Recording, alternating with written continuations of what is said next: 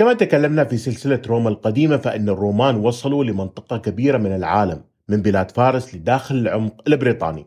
لكن من الحديث عن تاريخ روما دائما نتحدث حول الصراعات مع القبائل الجرمانية والفرس والمقدونيين وقرطاج.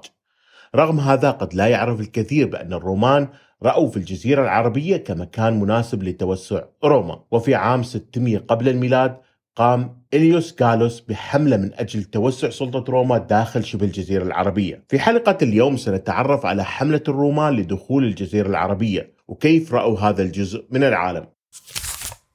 كان ينظر رومان الجزيرة العربية بأنها أرض صعبة قليلة السكان منها ما كتبه بلينوس الأكبر حول هذه القبائل بقوله البدو الذين يعيشون هناك يأكلون لحم الحيوانات البرية ويشربون الحليب وهناك قبائل تستخرج النبيذ من شجر النخيل كما يقوم به أهل الهند. يحصل هؤلاء على الزيت من السمسم. قبيلة حمير هي أكبر القبائل في هذه الأرض وهم يملكون أرض خصبة بها بساتين النخيل.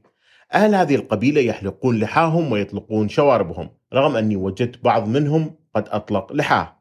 ومع مرور الوقت بدأت المعلومات تظهر حول هذه الأراضي التي كانت غريبة على الرومان.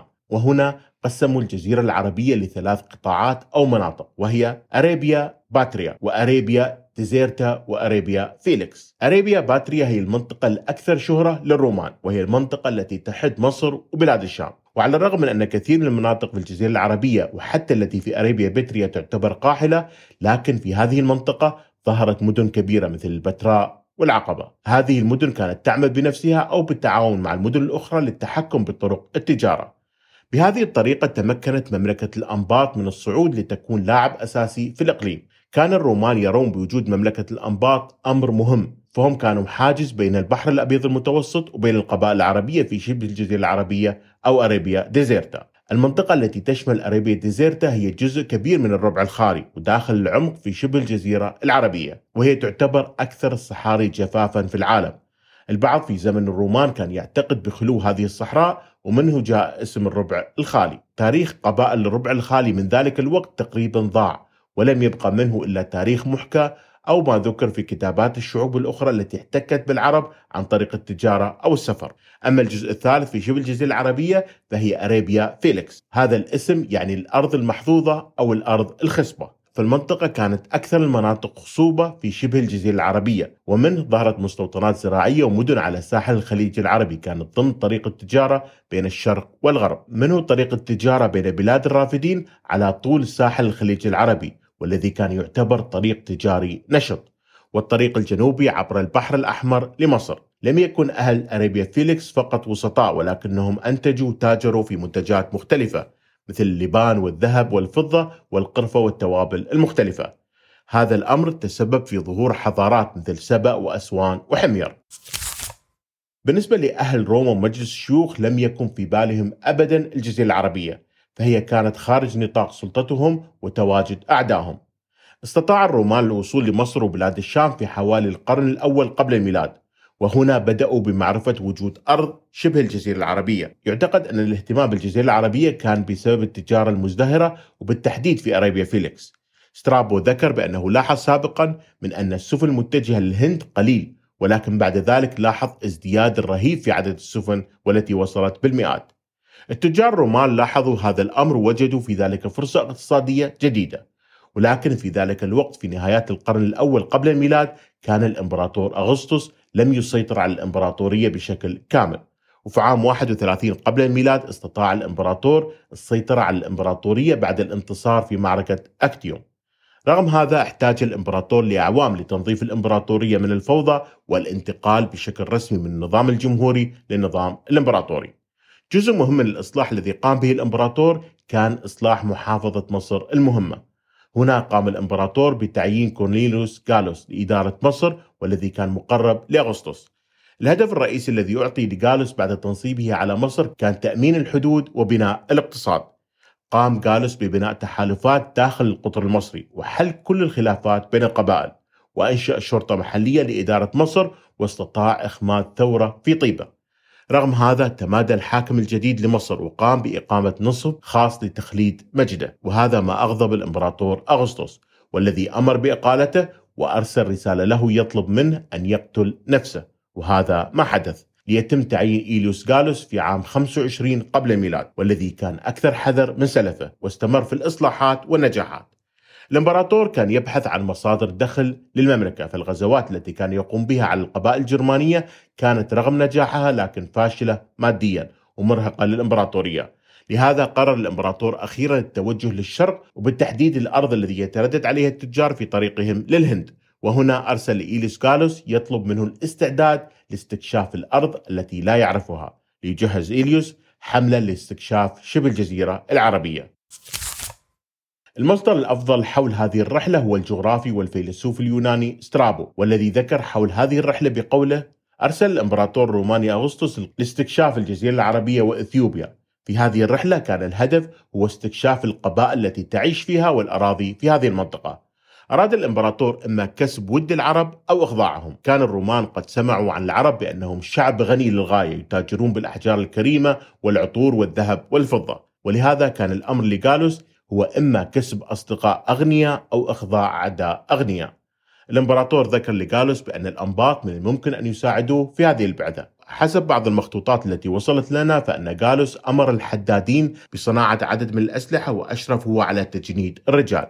صحيح أنه كان يملك جيش كبير في مصر لكنه كان يجب تجنيد المزيد حتى يبقى بعض الجنود للدفاع عن مصر سلة الخبز للإمبراطورية الرومانية. مسألة الهجوم على المدينة التي يتركها القائد هو أمر اعتاد عليه الرومان. لهذا كان حجم البعثة صغير. أيضا جالوس قام بتحضير خط إمداد للجيش خلال رحلته. فالامدادات اللوجستية وسرعة وصول الدعم سواء كان من الرجال أو الغذاء أمر مهم إذا اضطر لمحاربة قبائل العرب، لكن المشكلة الحقيقية التي واجهت كالوس كان أن القوة البحرية عنده متواجدة في البحر الأبيض المتوسط.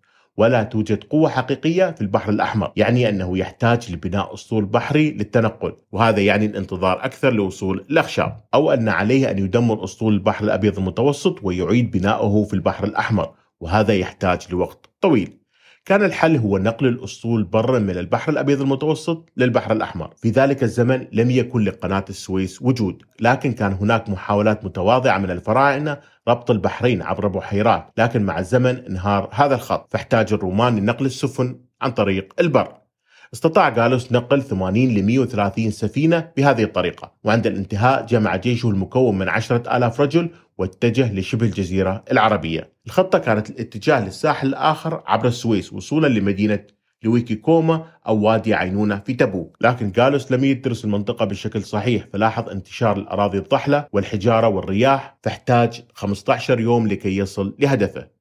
عند وصوله كان قد خسر بعض أسطوله وخسر الرجال بسبب المرض والذي قال الرومان بأن بعض الجنود ماتوا بسبب الأمراض التي حصلوا عليها من المياه الملوثة. لكن لو رأينا الخريطة سنجد بأنه من السهل العبور عبر صحراء سيناء برا للوصول. هذا الأمر كان يعلمه أهل هذه المنطقة والتجار لكن الرومان في ذلك الوقت ألقوا باللوم على المرشد المحلي الذي عينه الرومان والذي قيل بأنه أساسا كان كاره لهم وخدعهم لاتخاذ أصعب الطرق. لكن لا يوجد أي دليل على صحة هذا الادعاء. عموما رغم الصعوبة وصل الجيش الروماني لهدفه أرض الجزيرة العربية. ومع ضياع الوقت والجهد والرجال في رحلة تبوك قرر الرومان الاستقرار وانتظار أن يكون الطقس مناسب للانتقام بالبر أو البحر.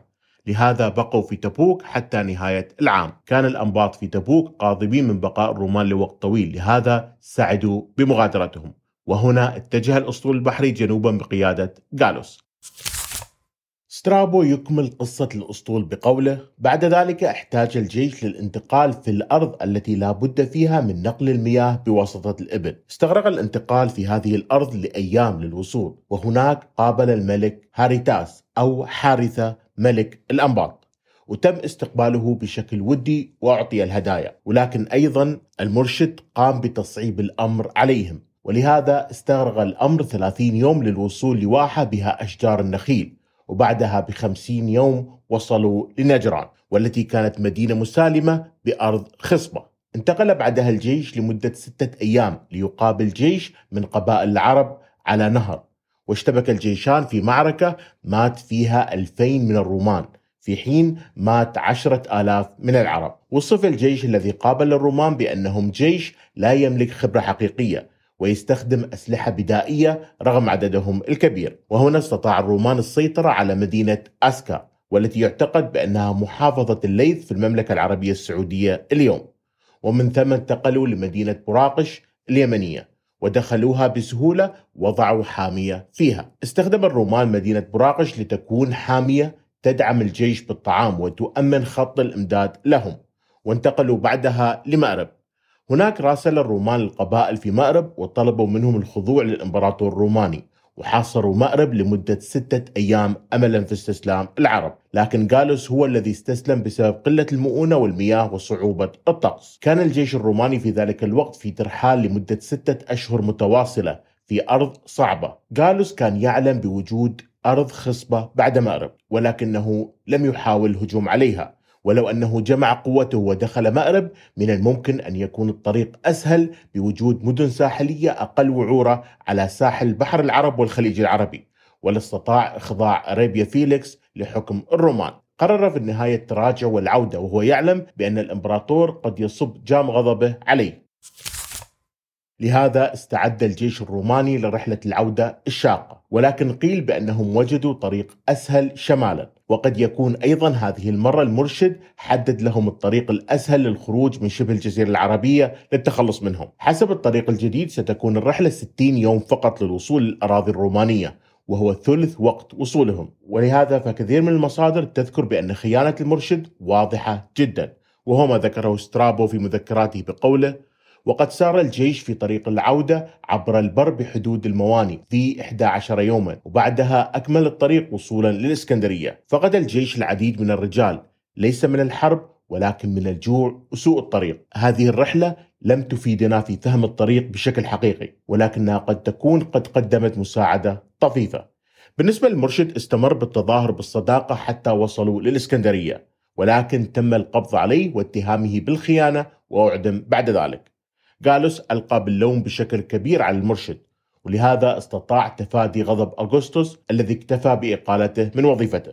الإمبراطور تغاضى عن الفشل العظيم في الجزيرة العربية وقد يكون السبب أن نسبة هائلة من الذين ماتوا من الرحلة هم من غير الرومان الأصليين. بل من أراضي مصر والشام. الرومان أخفوا هذه الرحلة عن الكثير من كتاباتهم التي تمجد إنجازاتهم. والأباطرة من بعد أغسطس اكتفوا بالسيطرة على أريبيا باتريا لأنها كانت الأقرب. منها استطاعوا السيطرة على طريق التجارة عبر البحر الأحمر ولهذا اكتفوا بهذه الأراضي ولم يقرروا أبدا التوغل داخل عمق شبه الجزيرة العربية مرة أخرى.